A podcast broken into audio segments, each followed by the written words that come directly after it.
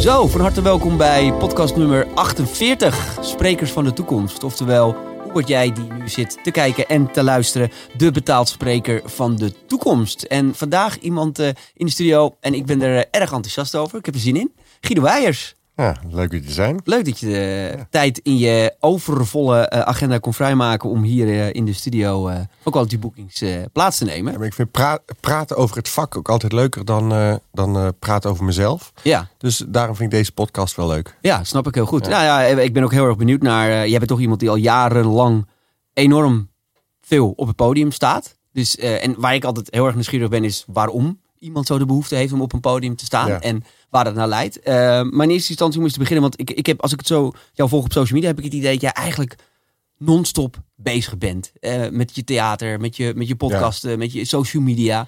Uh, is dat ook echt zo in de praktijk of lijkt dat alleen maar? Um, nou, ik denk wel dat er van nature iets in mij zit dat ik zowel schrijven als iets creëren of optreden altijd leuker vind dan niks doen.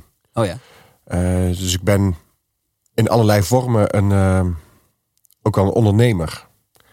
Dus niet, ik, ik sta niet alleen maar op een podium uh, met een tekst, maar ja, als ik, als ik niks te doen heb, dan desnoods ga ik een boek schrijven. Of ik, of ik ga filmpjes maken. Of ik, ik wil altijd creatief bezig zijn. Ja. Of ik wil altijd ergens kansen zien. Of als er ergens een oud pand staat, denk ik, oh, daar kan ik wel een restaurant in maken of zo. Maar ben je dan meer ondernemer dan artiest? Of meer artiest dan ondernemer? Uh, ik denk dat dat gewoon samen kan gaan. Gewoon 50-50. Ja, en ik denk dat het, dat het een het ander helemaal niet uitsluit. We hebben natuurlijk altijd wel bedacht dat het helemaal niet tof is dat als je, als je artiest bent, ja, dan kun je, kun je niet ook nog uh, vastgoed hebben. Of ik, maar okay. volgens mij moet dat helemaal niet uitmaken. Volgens nou ja, mij... de, de, meeste artiesten die je kent, die hebben uh, voor al hun zakelijke dingen uh, iemand in dienst, een manager of een ja. agent of, of een boekingskantoor, weet ik veel wat, die al de zakelijke dingen uit handen neemt, omdat ze dat vaak moeilijk te managen vinden. Maar ik ja. heb het idee dat jij het liever juist in handen houdt. Nou ja, daarvoor ben ik dan dus te veel ondernemer. Ja. Of vind ik, het, vind ik ook heel, uh, heel veel dingen leuk om zelf te doen. Ja. ja, en heeft het ook een keerzijde?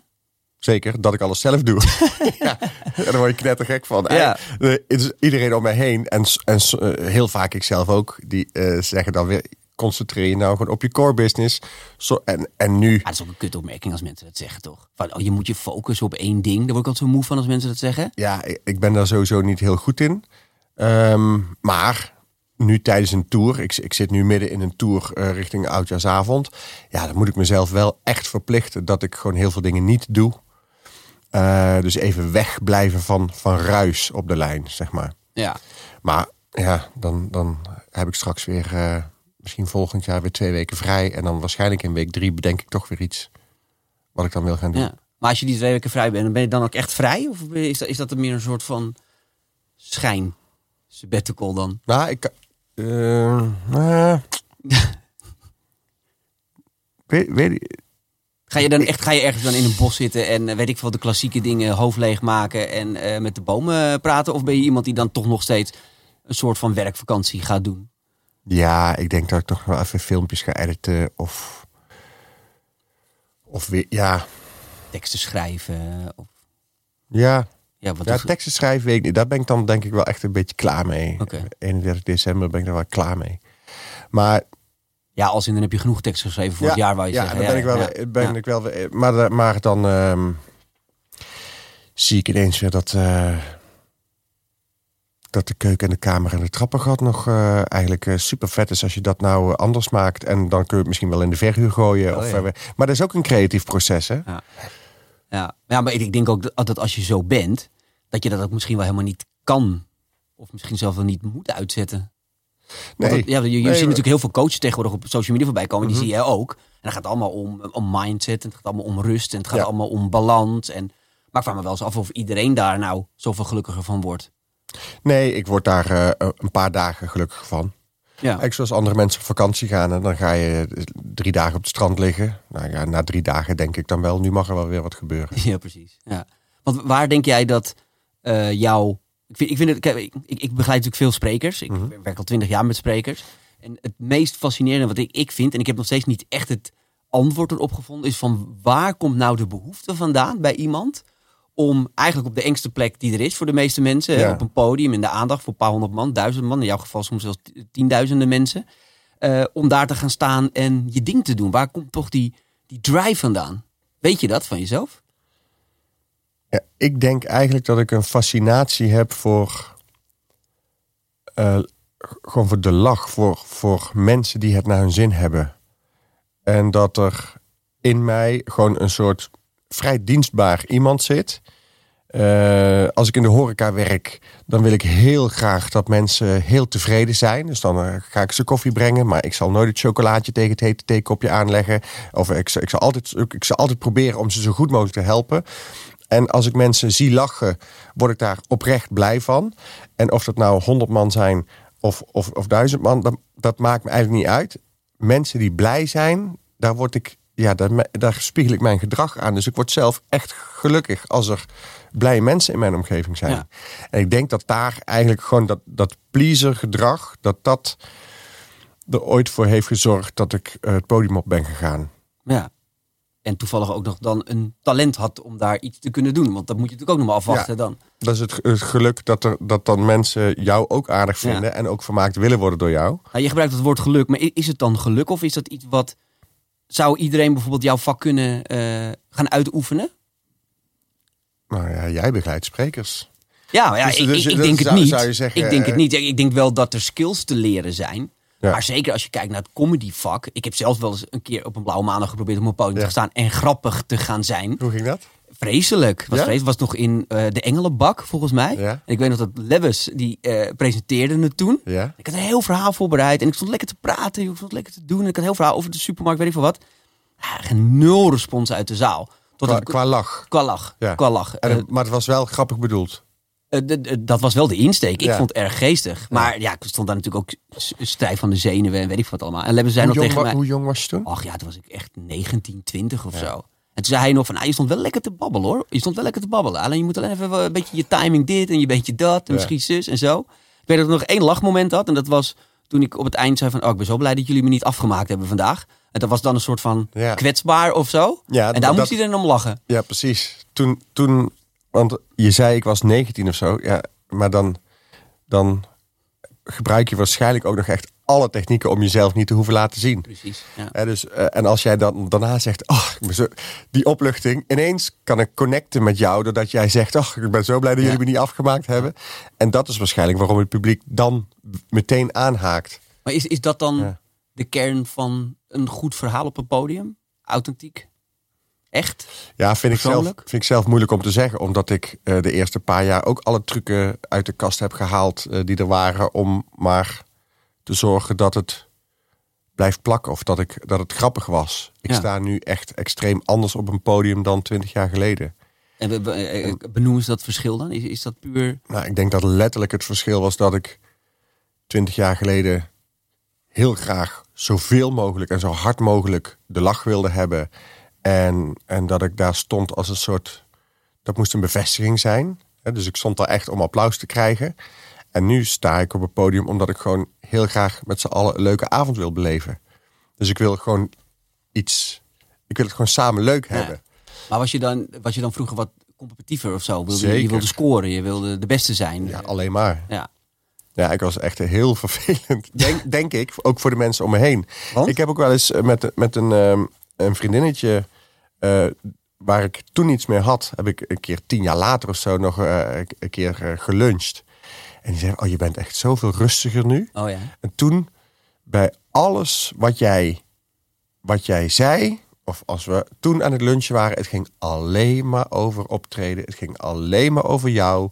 Eh, als ik zei van eh, ik zit niet lekker in mijn vel, dan zei je waarschijnlijk van oh, daar heb ik ook wel eens. Oh ja. Dus echt super narcistisch. Oh. Alles eh, heel erg naar je toe trekken en zo. En, zei ze, en, en nu stel je gewoon vragen en ben je gewoon oprecht geïnteresseerd in wie ik ben.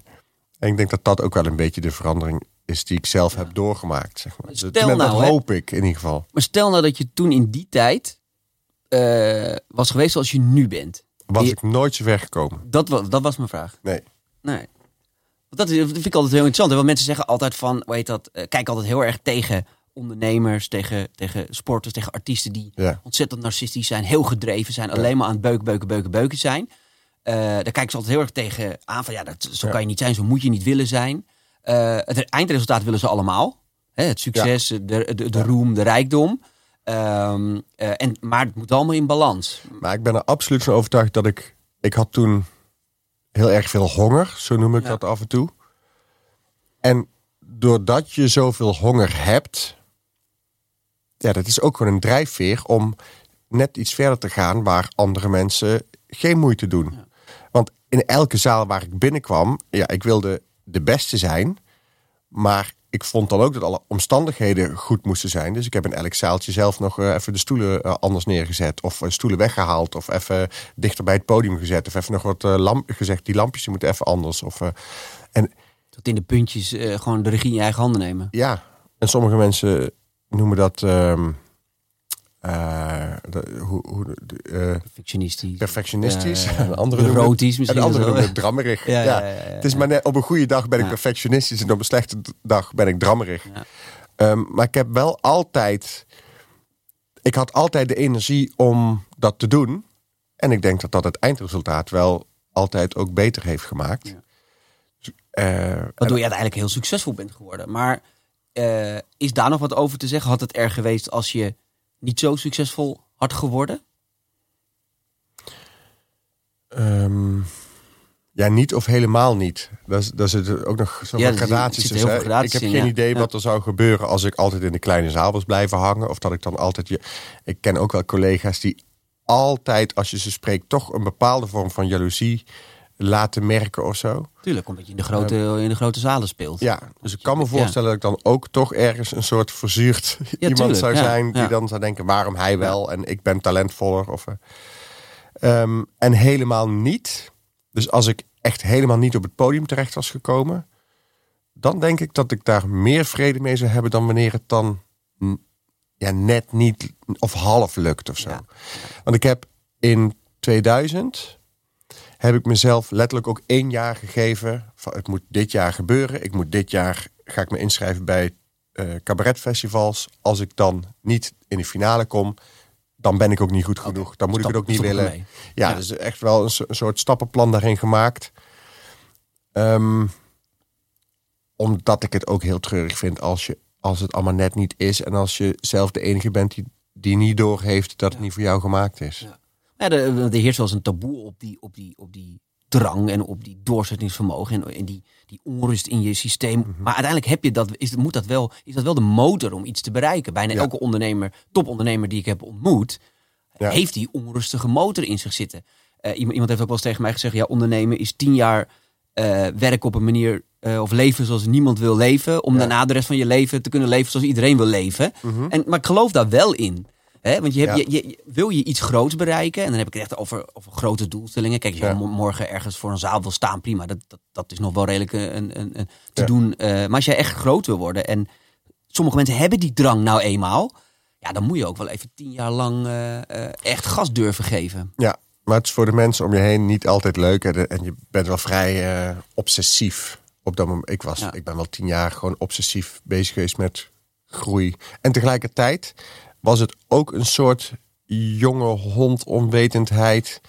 Want als ik toen had geweten dat dat voor de mensen om je heen... of, of dat, dat, dat het wat naar kan zijn... ja, dan kun je ook een hele andere tactiek inzetten. Maar ik, ja, dit was gewoon mijn enige manier die ik kende. Of Misschien die, kreeg je ook wel de ko- terugkoppeling in die tijd niet van mensen. nee, Dat, dat, je- dat, Nee, je- dat iemand je er wel eens op aan moet je spreken. hebt zo. hartstikke veel energie en eh, dan, dan, dan drijf je daar maar Ben je op. toch een stuiterbal? Ja, wij toch een stuiterbal. en dan kijk ik later beelden terug en denk Oh. mijn god, wat sta ik daar te schreeuwen, joh. Waarom?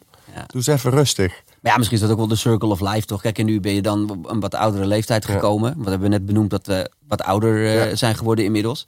Eh, en Ja, we zitten al op de glijbaan naar de dood. Dat is eigenlijk hoe het is. het wel af en toe een beetje. Zo voelt het wel af en toe een beetje. Als je, als je s'morgens wakker wordt en je gaat eerst op de rand van je bed zitten... voordat je echt opstaat, dan word je oud. Deze toch? Of niet zo? Als van je rug. Ja. Nee, maar goed, ik ben al, en, en uiteindelijk een bepaald soort succes bereiken als ondernemer geeft ook een bepaalde rust. Tenminste, Ja. ik weet nog wel voor mezelf dat op een gegeven moment kanteling kwam naar 15 jaar keihard werken. Dacht ik, hey, oh, ik heb wat centje op de bank. Ik Ja. begin dus wat succes te krijgen. Ik krijg voet aan de grond waar ik de voet Ja. aan de grond wil krijgen. Dat geeft wel bepaalde rust om dan vervolgens je leven wat meer Tuurlijk. in balans eh, eh, uit. Want ik geloof wel in balans. Alleen ik denk dat, dat het ook wel goed is, wil je wat bereiken. Dat zie je ook aan sporters. Die moet, je moet even 10 jaar even Ja. all out of all in. Ja. En eh, ik denk wel eens dat heel veel mensen nu, die, zeker bij jongeren hoor ik heel veel van, nee, ik ben nu al heel erg bezig met mijn mijn spiritualiteit. En ik Mhm. ben ook wel heel erg bezig met mijn balans. En nee, ik ga echt volgende maand heb ik even, ga ik drie maanden even sabbatical hoor. Want Ja. ik heb toch wel twee weken heel hard eh, gewerkt. Het beviel niet hoor. Beviel Ja. niet. En, maar ik- tenminste, ik, ja, ik merk wel dat dat een soort van nieuwe tendens wordt. Terwijl, ik- terwijl ik denk, ja, hard werken moet ook toch gewoon kunnen. Ja, ik vond het ook altijd leuk. Dus ik ben er ook niet vies van. En ja, ik, ik denk dat je als je de energie hebt, joh, gewoon vol gas erop. Ja, ik, ik, ik, ik, het, eh, Stel dat je nu een jonge artiest eh, advies zou moeten geven. Je, je zal va- vast vaak voorbij zien komen. Artiesten die advies aan je vragen. ja, maar ik, ik, zie, ik zie ook wel eens het, hetzelfde patroon terug als wat ik ook had. Ja, Eh, dus de eerste drie jaar van mijn, van mijn loopbaan heb ik, trad ik drie, vierhonderd keer per jaar op. Zo. Maar dat zou ik nu niet meer doen. Nee. Want nu denk ik, ja, maar daar word ik helemaal niet gelukkig van. Nee. Ik vind het gewoon leuk om, om eh, te spelen. Maar ik vind het ook fijn om eh, drie dagen in de week gewoon zelf te kunnen doen wat ik doe. Ja. Maar ja, in het begin is het ook gewoon goed om even te pakken wat je pakken kan. En om die, om die groei maar eventjes eh, een schop onder de reet te geven, Ja. zeg maar. Ja. Ja, en ik zie inderdaad wel mensen die tegenwoordig ze zijn allemaal snel moe en snel eh, overwerkt. En ik, ja, en dat, al- als dat zo is. Mi- Misschien is het ook een andere tijd, omdat ze allemaal op een telefoon zitten Ja. en omdat je zoveel prikkels meer krijgt dan ik toen. Geen idee. Als je toen de avond in de comedyclub stond, stond je in de comedyclub. Ja. Dan was je niet met social media bezig met andere dingen. Dan Nee. was je gewoon in momenten aan het optreden. Ja, dus ik denk dat er sowieso wel ergens een trend, eh, dat er ergens een bom aan het barsten is of een soort veenbrand woedt, dat we binnenkort allemaal naar de tering gaan.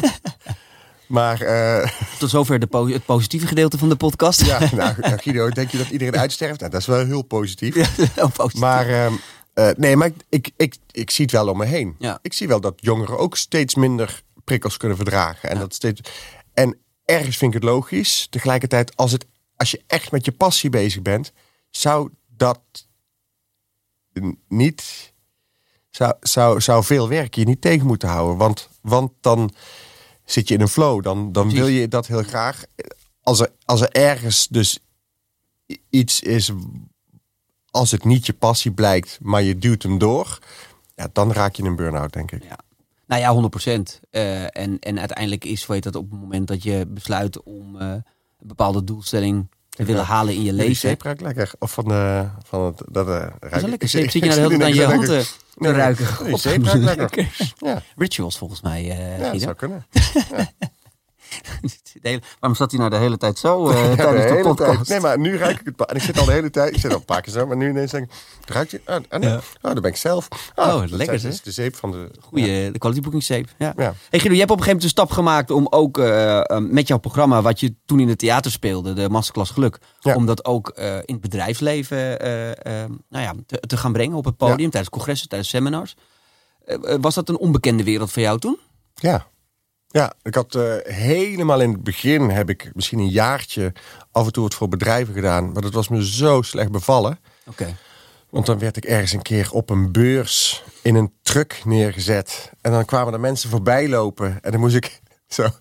Ik was laatst, eh, stond ik daar, daar en, dan- Oh. en, dan, en in het voorbijgaan proberen nog iets tegen mensen Echt zo'n met- podiumwagen Gewoon zo, lopend publiek. Ja, Ah, ja. zo'n podiumwagen. En dan lopend publiek. Ja, als die zin 1 niet hebben gehoord, dan is de clue natuurlijk ook niet grappig. En blijven ze andersom. ook niet staan ook. Ze blijven niet staan, ze lopen gewoon door. En niemand wist wie ik was, dat was 20 jaar geleden. Dus, eh, dus het is allemaal heel eh, logisch dat het toen niet werkte. Maar ik was echt doodongelukkig op zo'n op Ja. zo'n beurs. Ja.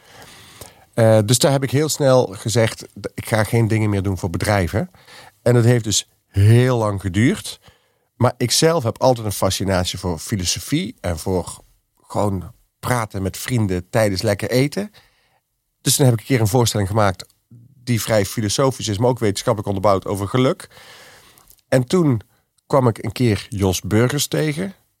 En die Een had van de grootste sprekers van Nederland. Een Ja. Al dan niet de grootste. Ja. Ja. Eh, sowieso qua hart een van de grootste sprekers. En, en die zei, waarom doe je dat niet voor bedrijven? Ik zei, ja, maar ja, weet je, een beetje leuk genoeg. Hij zei, maar je hoeft niet leuk te doen, want het verhaal is gewoon heel goed Ja. wat je vertelt. Ja. En dit verhaal blijft bij heel veel mensen plakken. En, en eh, het is heel actueel. waarom zou je dat niet doen? Toen ben ik erover na gaan denken. Toen ben ik het gaan doen. En omdat mijn theatercollege over geluk niet als doel de lach heeft, maar als doel heeft kennis overbrengen over de vraag wat is überhaupt geluk? Ja, Ja. en inspireren. Eh, werkt het ook voor bedrijven fantastisch. En ik merk dat ik bij bedrijven ineens dat er iemand buiten staat te wachten. Als ik kom spreken, nou is bij een theater nog nooit gebeurd. Ik sta 20 Oh, je jaar bent in theater. opgewacht. Ja, ja, ja, Ik sta, ik altijd, eh, kom ik ergens of in de regen bij een of andere laat- en losdeur aan de achterkant van een theater. En dan moet ik maar, moet ik maar aanbellen bij zo'n artiesteningang. Maar ja, tussen vijf en zeven is er nooit iemand. Nee. Dus ik sta altijd in de regen, moet ik altijd mijn eigen technicus bellen. Kun je de laat- en losdeur openmaken? Dat is het artiestenleven in Nederland. Ja. En als ik voor bedrijven spreek nu, ze zijn allemaal super blij dat ik er ben. Ze hebben natuurlijk ook allemaal eh, goed betaald. Ja. En, eh, maar daardoor voel ik me altijd heel welkom. En ben ik dus al die dingen eromheen heel erg gaan waarderen. Wat grappig. Dus eigenlijk pas sinds een jaar of vijf heb ik het lef gehad door Jos Burgers. eh, om dan te zeggen, oké, dan, dan boek me toch maar een paar keer voor een bedrijf. En, ehm, en dat is eigenlijk supergoed bevallen. Nou, grappig, maar wel met dit concept. Dus, Ja. dus kijk, ik denk dat humor met een beetje inhoud... dat gaat niet werken voor eh, spreken in het openbaar voor bedrijven. Maar inhoud met een beetje humor werkt perfect. Ja, want uiteindelijk komen ze voor de inhoud. Ja. En de humor is dan een toegevoegde waarde eh, aan de dag. Precies. Eh, hoe Jos Ja. Burgers natuurlijk ook al jaren draait. Hè? Ja. Je, je, je verwacht een hele goede spreker. En die blijkt ook nog eens een keer geestig uit de hoek te komen. Ja. Dan heb je een eh, een eh, een win-win. Maar ik vind het grappig dat jouw ehm, eh, indruk dus vanuit theater naar het congressenland positief is. Want meestal hoor je altijd, Ja. zeker van comedians, het tegenovergestelde. Waarschijnlijk precies om deze reden. Omdat ze dan te weinig inhoud hebben of zo. Ja, om de reden dat er verwacht wordt dat ze leuk zijn. Ja. En, eh, en het kleeft natuurlijk wel aan mij. Dus ik moet bijna de verwachting omdraaien. Ik moet, want mensen kennen mij als comedian. Dus ik moet ook echt in zin 1, als ik voor bedrijven spreek, zeggen... normaal is het humor met een beetje inhoud. En vandaag is het inhoud met een beetje humor. Alleen het is mij gelukt om met, dat, met die masterclass geluk... allebei eh, ja, heel veel erin te krijgen. Ja. Dus mensen die mij kennen van 15 jaar geleden en denken: oh, dat is die drukke narcistische gast waar ze gelijk in hebben. Eh, als die mij nu dat theatercollege over geluk zien doen, komen ze achteraf naar me toe. Zeggen ze: ja, ik had het niet verwacht, maar ik vond het toch echt heel leuk. ja. En dat bedoelt mij eigenlijk, ik vind jou eigenlijk toch wel leuk. Ja, maar dat is eigenlijk mijn grootste eh, compliment wat ik kan krijgen natuurlijk. Dat mensen die een ander beeld van me hadden, me toch de tweede kans geven. En, en het is ook knap van hunzelf dat ze bijdraaien. Want heel vaak is het ook zo. Ja, als je als mensen eenmaal vindt, dan... ja, als ik eenmaal in een hokje zit bij mensen, dan kom je daar nooit meer uit. Maar het is ook knap van die mensen dat ze, ja, dat ze toch eh, mij de kans hebben gegeven Ja. om, eh, om hun eigen mening te veranderen. Is het iets wat je ook door wil zetten naar de toekomst? Dus meer dat, dat kennis overdragen en, en comedy misschien wat ondergeschikter maken? Of? Ehm, nou, ik merk wel dat ik bij dat theatercollege heel blij word van, gewoon van het resultaat dat het heeft. Dus eh, ik word heel erg blij als ik merk dat het blijft plakken. Ja. Dat dat wat ik zeg, dat dat raakt en dat... Ik heb hem eh, vorig jaar ook voor, ben ik hem voor scholieren gaan spelen. In coronatijd dacht ik, ja, scholieren die worden nu allemaal depressiever. En ze zeggen dat het allemaal Ja. slecht gaat. En ze raken allemaal eh, in de put. Ja, dan ga ik toch vertellen hoe geluk in elkaar zit. Ja. En, en als, dan, ehm, als ik dan voor 300 scholieren spreek en er zijn er gewoon eh, 20 die in mijn DM sliden met echt een heel persoonlijk bericht. Waarvan sommige mensen zelfs zeggen van ja, ik was vorige week nog eh, eh, in het ziekenhuis voor een zelfmoordpoging of weet ik veel. Maar ik heb heel veel aan jouw uurtje gehad. Ik denk ja, dan was het waardevol. En Ja, dat, Waardevol, dat is natuurlijk het meest waardevolle wat er is. Dan kan er natuurlijk geen, geen bericht van... oh, we hebben een hele leuke avond gehad. God, wat hebben we gelachen nee, tegenop. nee, Dit, dit brengt wel een next level een Ja. missie bijna met zich mee. Nou, en, en zo, eh, als mensen vragen van wat. Eh, ik, ik heb bijvoorbeeld ook een, een gast, die, een, een militair die met PTSS al jaren thuis zat. En die na afloop van een, eh, van een voorstelling in Venendaal. ko- komen er mensen naar me toe. Ja, wil je straks even meekomen? Ik denk, ja, meekomen. Dus dat vind ik, dat vind ik altijd al zo. eh, Ik sta hier als iemand iets van mij wil. Dan, eh, ja, want die gast eh, die heeft jou ook al in Oeruzgan zien optreden. Dacht ik, ah, Oké, dan, dan dat vind ik altijd leuk. Ja, Want dat, ja. die- we, we hebben al een geschiedenis samen. Hij zat daar op uitzending. Ik heb daar ooit gespeeld. En ik merk dat al die militairen na afloop van een voorstelling altijd even hallo komen zeggen van ik heb jou nog daar gezien. Dus blijkbaar Heel dankbaar. was het voor iedereen Ja. waardevol. Ja. Maar dat als iemand dan zegt van ja, ik eh, loop al een paar jaar met PTSS. En, eh, maar ik heb eigenlijk aan vanavond meer gehad dan aan die twee jaar psychologen waar ik bij loop. denk ik, ja, weet je, dat, dat, zijn, Ja. dat zijn dingen die voor mij. eh, ik, en, het, de- en dat gaat niet per se alleen om de kennis, maar dat gaat erom die avond op het goede moment de goede dingen zeggen Ja. die bij hem blijven plakken op dat moment. Ja. Of die hij juist dan nodig heeft. Ja, daar, daar, daar kan heel veel comedy kan een heel leuk gevoel geven. Maar ja, dit soort dingen st- steken er wel echt bovenuit, ja. Maar is dan de comedy, denk je, eh, laten we heel even een beetje technisch naar gaan kijken. Is, Mhm. is comedy dan ook heel erg belangrijk om kennis eh, over te dragen? Het is wel mijn enige vorm die ik kan. Ja, maar eh, los van of je het kan. Zou, ik bedoel, jij hebt denk ik inmiddels ook heel veel andere sprekers gezien. Want ik kan me voorstellen dat voor jou en na jou andere sprekers Mhm. Ja. kwamen. Is, is daar je iets opgevallen? Vind je dat Nederlandse sprekers meer comedy zouden moeten gebruiken? Is dat iets wat iedereen ligt? Wat, wat is jouw visie daarop? Ik, ik vind dat iedereen authentieke comedy zou moeten gebruiken. Ik zie ook al dat sommige mensen gewoon grapjes vertellen die niet grappig zijn. Dan Oh, denk ik, ja. ja, dat, gebruik het dan. Grapje, Ja, zeg maar. Ja. ja, of gebruik het dan maar niet. Laat het dan maar liever weg.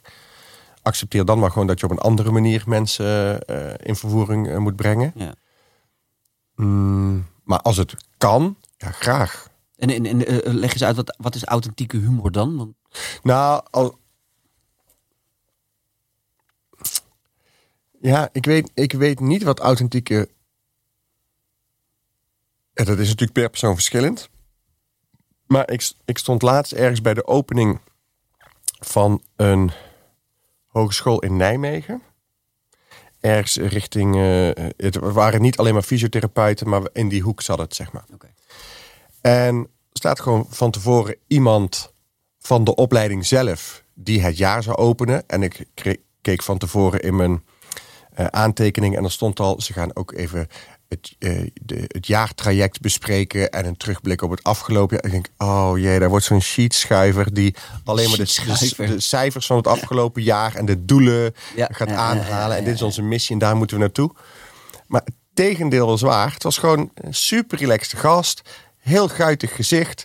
En hij zei van, nou, we zijn allemaal op vakantie geweest. We hadden jullie gevraagd om vakantiefoto's toe te sturen. En ik ging gewoon vakantiefoto's van de mensen Oh, in de zaal laten zien. En hij had en hij was de directeur zeg maar, van de club. ja, hij was Ja, de ja, of. Een, of een van de docenten. Of, maar hij had in ieder geval eh, die dag de leiding. En hij deed dat zo natuurlijk. En hij was geen spreker. eh, maar de hele zaal hield van die man. En daarna, dus, dus het was al echt drie kwartier lachen. En daarna kom ik en zeg ik in zin één: ja, het is geen cabaret. Het is eh, inhoud met een beetje humor. En toen zei ik erachteraan, want het cabaret hebben we zojuist al Ja, gehad. precies. ja. Die man was zo leuk en die deed dat zo goed, terwijl het helemaal niet zijn vak was. Maar de grote truc was, hij was extreem zichzelf. Ja. Hij stond daar geen, geen gekke dingen te doen. Hij stond geen, geen grapjes te doen die hij zelf niet leuk vond of zo. Het was gewoon...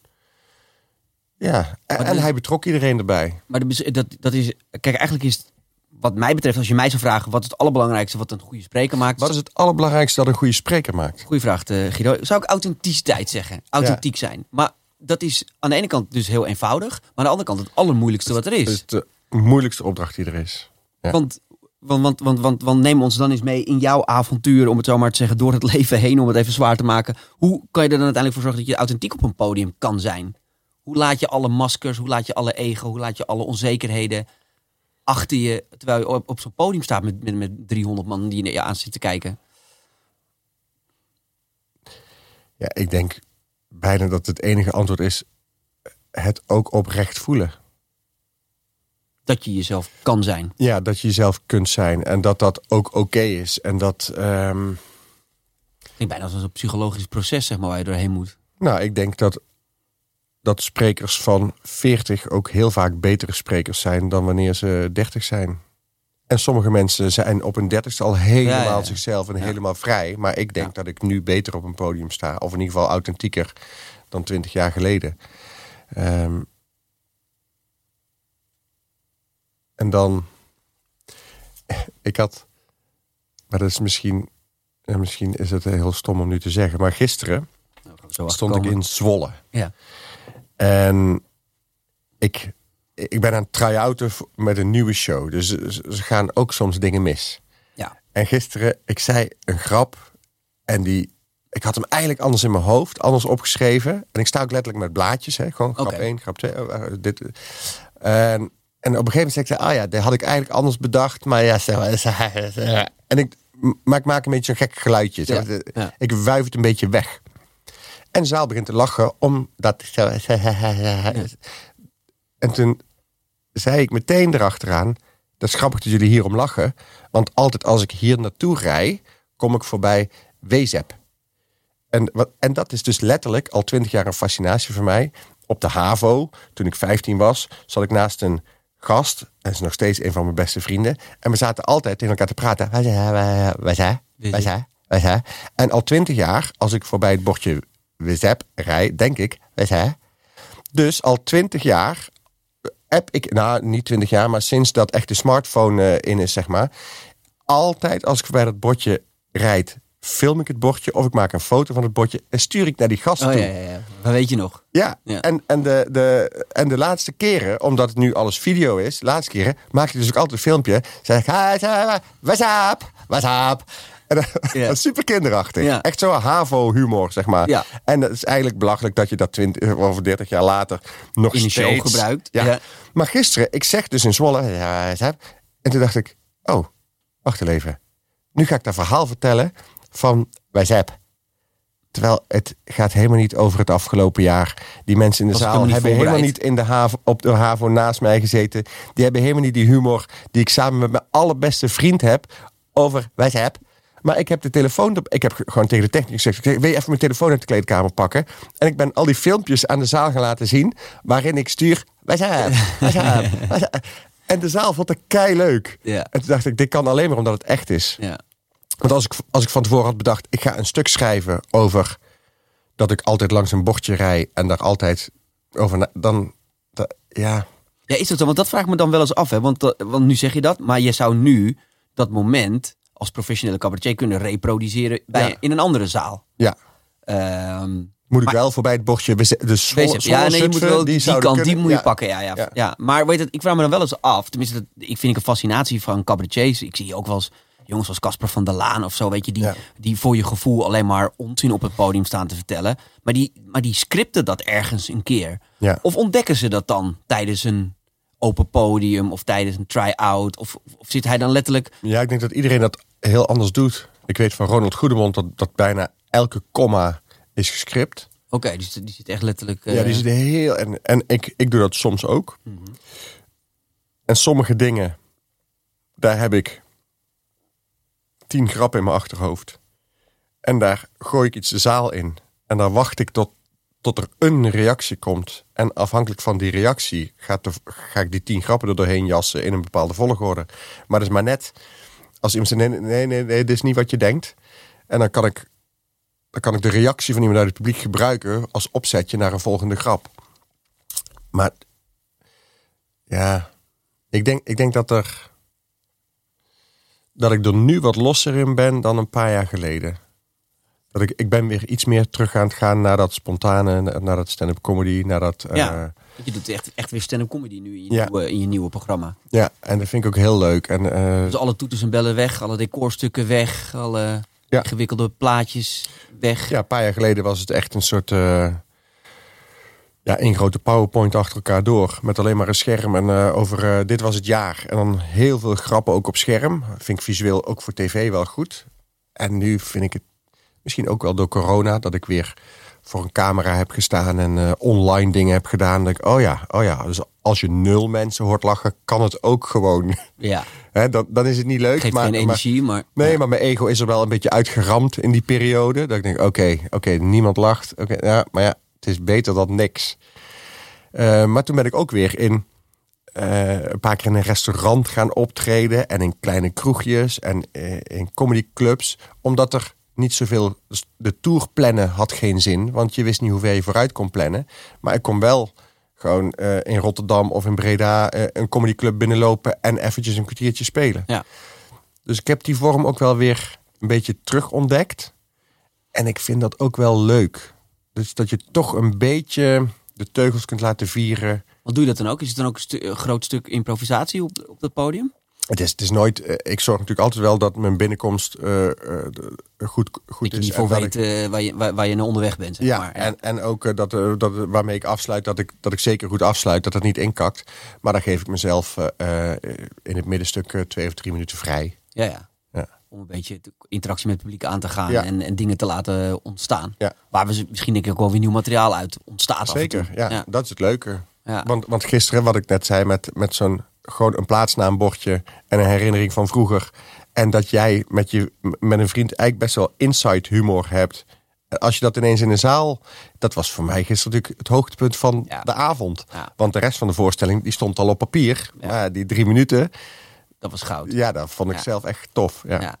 En dan toch nog heel even terug naar, naar, naar dat authentiek zijn op het podium. Hè? En, en, dat, en dat bij jezelf opwekken. Want ik, ik denk dat dat ook niet... Nou ja, jouw voorbeeld eh, geeft dat wel duidelijk aan. Dat dat ook niet anders is voor als je een directeur bent van een bedrijf. Of als je een vertegenwoordiger bent en je moet het op een podium vertellen. Of je Ja. moet een pitch doen of iets dergelijks. Denk ik dat authentiek zijn daarin onwijs Ja. belangrijk maakt. Dat maakt het grote verschil. Ja. Want uiteindelijk denk ik dat we allemaal geïnteresseerd zijn in mensen. Niet in producten, niet in bedrijven, maar in mensen. Ehm, maar ik zou zo graag nog, nog een paar goede. En ik weet, niet, ik weet niet of je ze hebt hoor, want het is heel lastig. Want ik merk dat, dat het, het gaat altijd over authenticiteit in de podcasten. Want iedereen zegt dat het zo belangrijk om jezelf te zijn. Ja. Maar niemand kan nou zo goed benoemen hoe je er nou voor kan zorgen dat je jezelf kan zijn op een podium. Ja, het is toch bijna een soort zelfacceptatie. En, en ook misschien, misschien. Misschien is het ook gewoon een vorm van achter je materiaal staan. En dus ook accepteren dat het nooit voor 100% van de mensen eh, het perfecte verhaal is. Ja. Dus ik, ik, ik, ik was toen ik hier naartoe reed, was nog op de radio. Gisteren was Glennis Grace eh, bij Jinek Oh ja. en uh, Ja. een hele verhaal. En, Niet helemaal gelukt volgens mij. Nee, maar zij is echt, authentiek zijn gesproken. ja, wrijven in de vlek noemen we dat. Blijf er gewoon vanaf, joh. Laat het lekker gaan. En, maar, ja maar ze- benoem het zoals het is. Maar Of- ga er niet omheen draaien. En ik Ja. dacht dat ze gisteren wel die poging deed. Want ze, ze, ze trok het boetekleed aan. En zo. Mm. Maar volgens mij zat daar te veel een plan achter. Van ik moet sorry zeggen tegen de betrokkenen. Ik moet tegen iedereen zeggen dat het me heel veel spijt. En, maar De moederrol. de moederrol. Spelen. Ja, Ja. van, van eh, mijn zoon kwam thuis. En ja, ik als moeder dacht maar één ding. Ik ga verhaal halen of zo. Dus ze was ergens, probeerde ze wel eerlijk te zijn. Maar het was het nog net niet helemaal. Terwijl je wil eigenlijk dat zij gewoon zegt... Ja, hij kwam thuis. Nou, ik kookte van woede.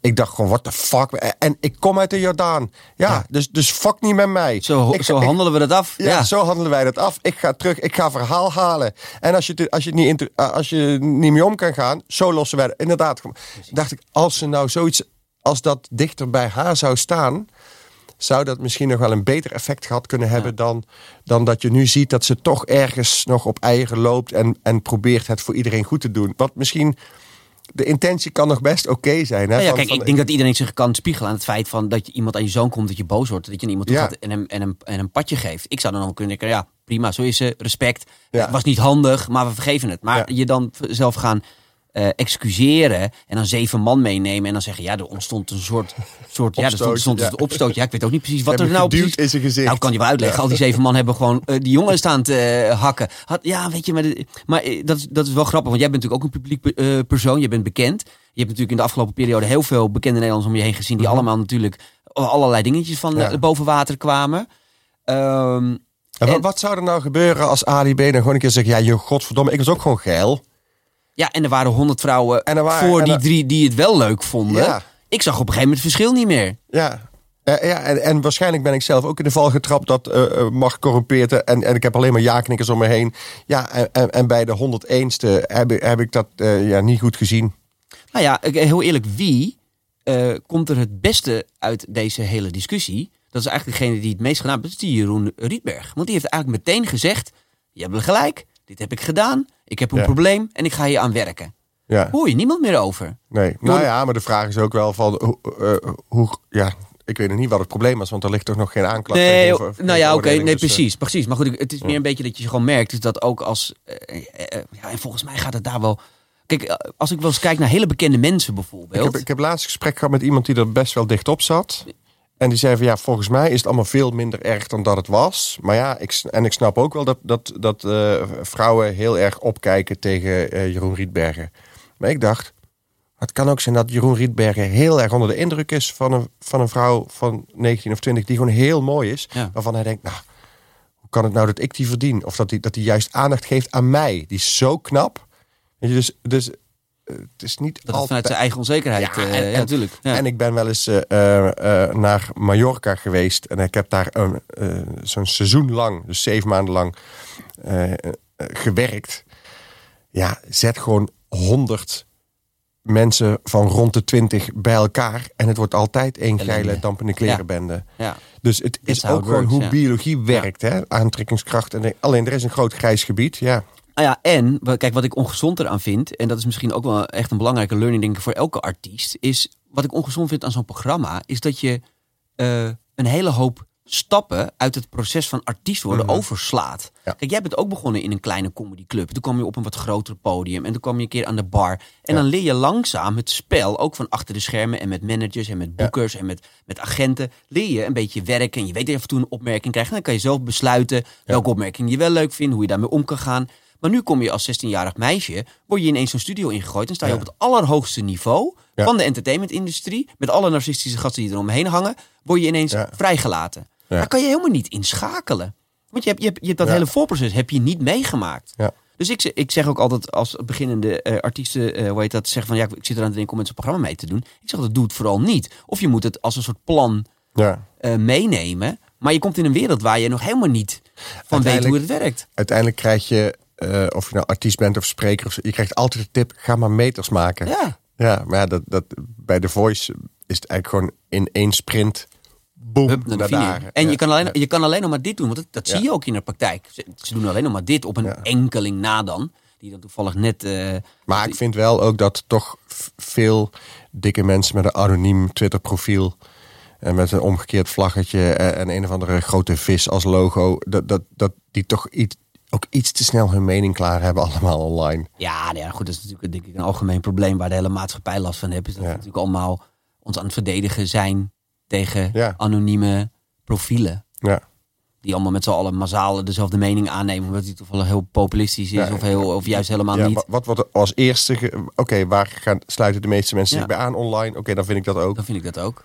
En dan gaan we daar zo lekker goed gas op geven. Ja, ja. want we gaan, die, we gaan die jongen die boven dat maaiveld uit... gaan we eens even goed dat maaiveld weer, eh, weer intrekken. Maar het is wel wat je zegt. Dus ook blijkbaar bij dit soort dingen merken we dus allemaal bij zo'n Glennis... het is niet authentiek, het is niet eerlijk, het is niet oprecht. Dus haak ik af. Ja. En dat is, dat is denk ik ook met... ehm, eh, Ja, maar dat kleeft aan sprekers. haar. Hè? Want misschien is Ja. de intentie wel oprecht. Van ik ga ook sorry zeggen, ik wil er ook vanaf zijn. Maar, daar zit, maar je voelt ergens dat... ze- Ik, dat- je wil gewoon dat iemand dan ook echt even, Mens is. even doorduwt. Ja. Ja, ja en, ik, en, en ik denk dat, dat je dat één op één kan kopiëren naar een artiest op een podium. Als, als, als, Ja. je, hem, als je hem niet gelooft, als hij maar een dingetje staat te doen, als hij maar loopt te roepen. Het, is bij, het is bijna, je zou het bijna letterlijk gewoon eh, een soort fysiek of, of, of visueel kunnen maken. Door als iemand struikelt en hij valt niet echt, kun je of doen alsof er niks aan de hand is. Of je kunt zeggen, teringman, geen bijna op mijn muil. En dat tweede is natuurlijk veel sterker. Want als iedereen het toch gezien heeft. En ja, er zit vaak ook een lach. ja, precies. Als iemand dan ineens zegt van Jezus Christus, ik was gewoon net op mijn smoel gegaan bijna. Ja. Dan moet je lachen. En dan zie je in ieder geval dat diegene het zelf ook heeft geaccepteerd. Dat diegene er zelf ook oké mee is. Dat het niet 100% perfect was. En dan is de hele zaal gerustgesteld. Maar als die andere denkt, oh, niemand, en die gaat daarna zo in de hoek staan. Ja, dan, dan wordt dat een act op zich. Ja, ja. Ja, ja 100 Als je, als je nou zo terugkijkt op je carrière, want we, we gaan redelijk eh, snel door de tijd heen. Als je nou een beetje terugkijkt op je carrière. Is, ja. ga echt een hele je staat naast je eigen Stel, kist, Guido. stel- nee, stel we eh, gaan twintig jaar terug in de tijd. En Ja. je zou jezelf, nee hoor. Maar meer als je, is dan vooral hard werken de kracht van je succes geweest? Of ben je gewoon fucking talentvol? Nee, ik ben niet fucking talentvol. Ehm, want ik kan geen piano spelen, kan niet zingen, kan niet... eh, Ik denk wel dat ik een bepaalde sympathie heb. Dus daar heb ik geluk mee. met een zachte G klinkt alles net iets minder erg. En, en vergeven ze me misschien net iets meer. Ik denk dat het een mix is tussen hard werken, geluk, een bepaalde discipline en, en ergens een talent voor iets. Maar het is niet een talent dat ik heel veelzijdig ben of zo. Het is dan een, een talent dat. Misschien ook wel dat ik. Misschien was mijn authenticiteit wel gewoon die jongen die gewoon heel veel gas geeft. Dat, dat was ik toen ook Ja. echt. Dus ik stond op het podium, ik had heel veel energie, ik stond heel veel te schreeuwen. Als ik nu terugkijk, vind ik dat ik mezelf aan het overschreeuwen was. Maar, dat was het wel wat Ja. ik toen Ja. voelde dat ik moest doen. Ja, want je authenticiteit verandert ook met de jaren. Ja, wie, wie, wie, wie, wie wij twintig jaar geleden waren, waren we het op dat moment wel. Maar dat wil niet zeggen dat Ja. je dat nog steeds bent. Dat evolueert met Nee. je mee. hopelijk wel. Ja. Ja. ehm, en als je dan nu eh, voor jezelf kijkt naar de aankomende 10, 20 jaar. Hoe, hoe, hoe zie je dan je, je carrière voor je? Is dat, wordt wordt dat veel kennis delen? Wordt dat juist, ik ga helemaal terug naar de basis zoals je nu aan het doen bent met comedy en... Ga je de kleinere zalen weer opzoeken? Wat- Of, of juist, nou ja, nu ga, ik echt, nu ga ik echt voor de Amsterdam Arena of weet ik veel. Nou, Zit er nog ergens een droom of zo? nee, een droom zit er niet. En jij stipte straks ergens aan, omdat je heel veel hebt bereikt, kun je misschien ook, heb je ook misschien meer rust. En dat denk ik oprecht dat dat zo is. Ik denk als ik niet in Carré of niet in Ziggo had gestaan, dan was ik nu nog steeds die oom die op verjaardagen alle aandacht opeist, Oh ja. omdat hij nog niet aandacht genoeg heeft gehad. Wacht even jongens, wacht even. Ja. Gordijnen dicht. En ik vind het heel prettig dat ik dus ge- genoeg bereikt heb voor mijn, voor mijn doen. Dus dat ik denk, oké, ik hoef niet meer zelf te schreeuwen. Mensen weten dat wel. En als ze niet weten, is het ook goed. Ehm, maar wat ik de komende tijd voor me zie, is dat ik eerst ga kijken waar, waar veel mensen op mij zitten te wachten. Dus dat ik gewoon ergens online gooi van, oh jongens, eh, zullen we volgende maand eens afspreken? Eh, hoeveel mensen in Rotterdam hebben er zin om een avond te lachen? En dat er dan gewoon online, weet ik veel, dan zijn er of 100 man die zeggen leuk, of er zijn duizend man die zeggen leuk. En dan gaan we een zaal huren voor 100 man of voor duizend man. Dat dat een beetje het idee wordt. Ja. Want nu beslis je altijd al jaren van, eh, twee jaar van tevoren van eh, dan en dan sta ik Ja, ja. in dat theater. En dan moet ook, de zaal moet vol. Want als hij niet vol zit, ja, dat staat ook zo stom. Ja, ja. dat is, eh, is ook mijn eer na. Maar waarom zou je dat, terwijl het mij eigenlijk niet uitmaakt of die zaal 100 man heeft of 1000. Ja, financieel is het een leuk verschil, maar daarvoor hoef ik het ook niet meer te doen. Dus ik kan gewoon zeggen, als ik met 100 man een superleuke avond in de kroeg kan hebben, let's do it. Ja. Maar is dat misschien niet wat je- net tussendoor zei, de essentie van het verhaal? Van je zegt, financieel hoef ik het niet meer te doen. Voor, voor je succes afmeten hoef je het ook niet meer te doen. Want je bent inmiddels gevestigd en Ja. iedereen weet dat je een succesvol... Als je morgen zou stoppen, dan ben je altijd een succesvolle cabaretier geweest. Ja. Dus dat zijn de drijfveren niet meer. Maar die waren misschien in je twintige jaren wel Zeker. je drijfveren. Ja, zeker. En geeft dat misschien dan ook niet de rust dat je zegt... ja, maar, maar dan vind ik het misschien veel leuker om met acht man... aan een bar een leuke avond te hebben... dan met 2000 man in een beetje te geregisseerde avond of zo. Ja, het is, het is niet of-of, maar het is, ik, als het maar vol zit. Ja, ja. Eh, ik, Toch ik- wel. Het moet toch wel vol zitten. Ja, nee, maar dan is het, dan is het gezellig. Een, een feestje waarbij, waarbij twintig stoelen in een kring staan en er komen maar tien man. Ja, dat ja. is gewoon een sneu definitie feestje. is het mislukt. Ja. Ja. Ja. Het heeft niet zozeer te maken met of het nou ego is of niet. Maar het wordt ook gewoon minder... Je hebt minder sfeer in een zaal als die Ja. voor de helft leeg zit. Ja. Dus, dus gewoon... eh, maar ik vind het dus ook leuk om de locatie er misschien pas later bij te eh, doen. Oké. Gewoon Om, omdat, om, Pop-up eh, Ja. eh, theater. dat, dat is iets wat ik nu... Wat me nu leuk lijkt. Omdat Ja. het ook weer een beetje afwijkt van dat... Ja, kan wel, kan wel voor, voor het 21ste jaar weer rondgaan langs alle theaters. Maar ja, je kunt het ook zelf doen. Ja. En bij de theater staan ze je toch niet op te wachten. Dus eh, waarom zou je er nog naartoe gaan? Nee, ze zijn, ze zijn heel vriendelijk en altijd blij dat ik kom. Maar, maar, het, is, maar het, is wel een, het is wel een uitgesleten pad. Ja, tuurlijk. Ja. Ze weten inmiddels wel dat je de weg wel kent. Dus eh, Ja. waarom zouden ze je opwachten? Ja. Hey, tot slot, eh, allerlaatste eh ehm, advies, tip, weet ik veel wat voor, voor sprekers. Je hebt, ze nu, je hebt ze veel meegemaakt. Je, je bent zelf Mhm. inmiddels ook een spreker. Hè, je was al Ja. cabaretier, nu ben je zelf ook een spreker. Er zitten veel sprekers ook te luisteren die natuurlijk het vak in willen. Die kijken neer en denken, poh, maar dat wil ik ook.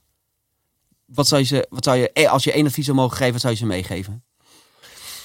Oh, fuck, hoeveel mensen hebben al gezegd, eh, wees gewoon jezelf. Iedereen. ja. Maar misschien is dat, misschien is dat Ja. dan ook wel de waarheid. Ja, het is een. Nou, nee, ik, ik zou misschien toch wel ergens beginnen bij eh, wat heb je te vertellen? Want heel veel mensen willen spreker worden. Oké, maar wat vind je interessant? Heb je iets interessants te melden? Vraag je dat eerst eens af. Stel dat ik niet dit verhaal de wereld ingooi, mist de wereld dan iets? Ja. En dat had ik met dat theatercollege over geluk. Dacht ik, iedereen zegt als je dit doet word je gelukkiger. Als je dat doet word je gelukkiger. Of als je deze theorie inzet word je gelukkiger. Maar niemand beantwoordt de vraag wat is geluk? Dus ik heb daadwerkelijk iets toe te voegen in, in dit landschap van sprekers. Ja. Ehm, en dat, dat zou ik dan sprekers ook wel aanraden. Van, ja, het, is, het is stoer om te zeggen ik sta heel vaak op een podium. Maar ja, daar is niet, daar is niet waar je uiteindelijk gelukkig van wordt. Je wordt gelukkig van als jouw theorie of jouw voorstelling blijft plakken. Dus wat heb jij het publiek te melden dat blijft plakken? ja. Dus eh, bepaal een goede toegevoegde waarde qua inhoud. Ja.